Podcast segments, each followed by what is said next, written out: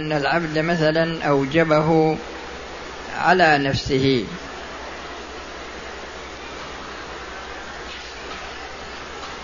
هذا النوع من الأعمال هذا ينافي يعني من ناحية إذا تحققت المخالفة مثل الزنا وشرب الخمر واللواط وتطفيف المكيال وتطفيف الميزان وكثير. يعني غرضي أنا سواء كان ترك واجب أو فعل محرم لكنه من كبائر الذنوب. ولا يصل إلى درجة الشرك الأكبر ولا الكفر الأكبر ولا النفاق الأكبر. يعني يكون فيه شرك يكون فيه كفر أصغر مثل ما قال الرسول صلى الله عليه وسلم ثنتان بالناس هما بهم كفر الطعن في النسب والنياحة على الميت. وكذلك النفاق الأصغر آية المنافق ثلاث ذكر منها إذا حدث كذب إلى آخره. فغرضي أنا إن كبائر الذنوب ويدخل في هذا الإصرار على الصغائر. الإصرار لأن الإصرار على الصغائر يحولها إلى كبيرة. الإصرار على الصغيرة الاستمرار عليها هذا يحولها إلى كبيرة. فكبائر الذنوب هذه سواء كانت الكبيرة من جهة ترك واجب أو فعل محرم هذه الأعمال يقال إنها منافية لكمال ثواب الإيمان. كمال الثواب الواجب. يعني ثواب الإيمان يكون ناقصا. ولهذا عقيدة أهل السنة والجماعة في هذه النقطة يقولون مؤمن بإيمانه فاسق بكبيرته. مؤمن بإيمانه فاسق بكبيرته. وليس كمذهب الخوارج الذين يكفرون الإنسان بأي معصية يفعلها. يعني لو زنى قالوا خرج من الإسلام. لو سرق قالوا خرج من الإسلام. عكس المرجئة. المرجئة هم الذين يكتفون بمجرد التصديق ولا يجعلون الاعمال ولا يجعلون الأعمال التي ذكرتها لكم وهي المرتبة الأولى ما يجعلونها شرط صحة. فهذه المرتبة الثالثة هي مرتبة علاقتها بثواب الإيمان. ولهذا الناس يوم القيامة العصاة يقتص لبعضهم من بعض قبل دخول الجنة. يجمعون في قنطرة بين الجنة بين يعني قبل دخولهم الجنة فيقتص لبعضهم من بعض فلا يدخلون الجنة وفي ذمة واحد منهم للآخر ولا مثقال خردلة.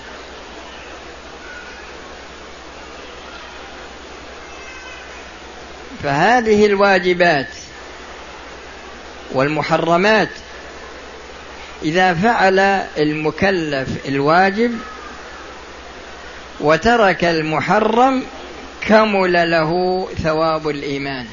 الواجب. يعني الإيمان الواجب. ما هو بالثواب الواجب؟ لا.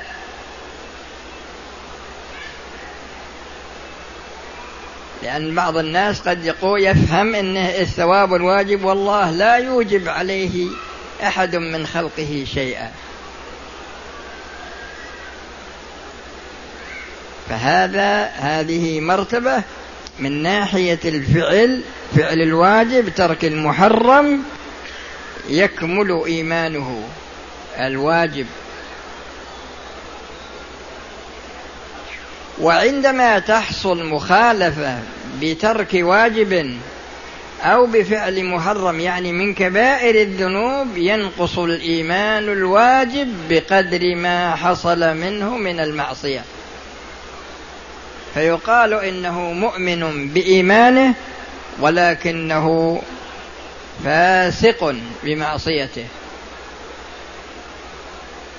المرتبة الرابعة من علاقة الأعمال بالإيمان هي تنحصر في المندوبات من جهة فعلها. وكذلك ترك المكروهات من جهة الامتثال يعني يترك المكروه من جهة الامتثال. ويترك أيضا الأمور المتشابهة المشتبهة عليه هذه يتركها عملا بقوله صلى الله عليه وسلم دع ما يريبك. يعني باب الورع عموما.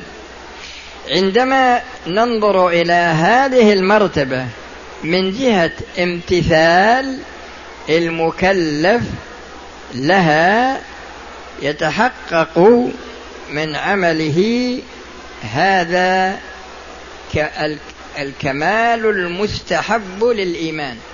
يعني كمال يعني يكون هذا الإيمان الكامل المستحب. وعندما يحصل نقص هو لا يعاقب. إذا ترك المندوب ما يعاقب وإذا فعل المكروه ما يعاقب لكن ينقص الثواب. لكن ينقص الثواب المستحب.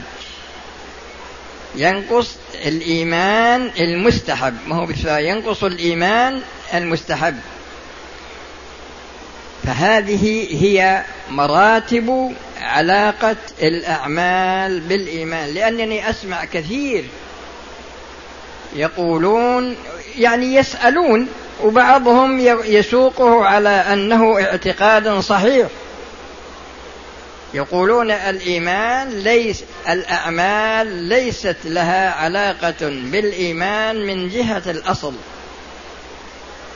فيكفي الإنسان مجرد التصديق. إبليس مصدق. فهل نقول إنه مؤمن؟ لا. وفرعون مصدق. وجحدوا بها واستيقنتها أنفسهم ظلما وعلوا. وهو مصدق بالله في قرارة في قلبه لكنه مكابر. أنا غرضي أن هذه المراتب الأربع لا بد أن يتنبه لها طالب العلم. المرتبة الأولى من ناحية إذا نظرنا إلى المراتب الأربع من جانب الوجود قلنا المرتبة الأولى يتحقق معها يتحقق معها كمال الأصل. المرتبة الثانية يعني يتحقق معها كمال الأصل. المرتبة الثانية اللي هي انتفاء الشرك تكون داخلة أيضا. المرتبة الثالثة الكمال الواجب. المرتبة الرابعة الكمال المستحب. هذا إذا نظرنا إليها من جانب الوجود من جانب العدم. ما ينافي الأصل وما ينافي كمال الأصل وما ينافي الكمال الواجب وما ينافي الكمال المستحب. وعلى هذا الأساس تكون الأعمال مرتبطة بالإيمان ارتباط وثيق. لكن على هذا الوصف الذي ذكرته لكم آه، يبقى نقطة مرت علينا في الكلام تحتاجون إلى التنبيه عليها وهي الإيمان الحكمي. الأمور الحقيقية في الشريعة موجودة. وفيه شيء يعني نوع آخر يسمونه حكمي. فعندنا مثلا الإيمان الحقيقي والإيمان الحكمي. وعندنا مثلا النية الحقيقية والنية الحكمية. وهكذا في كثير من أمور الشريعة.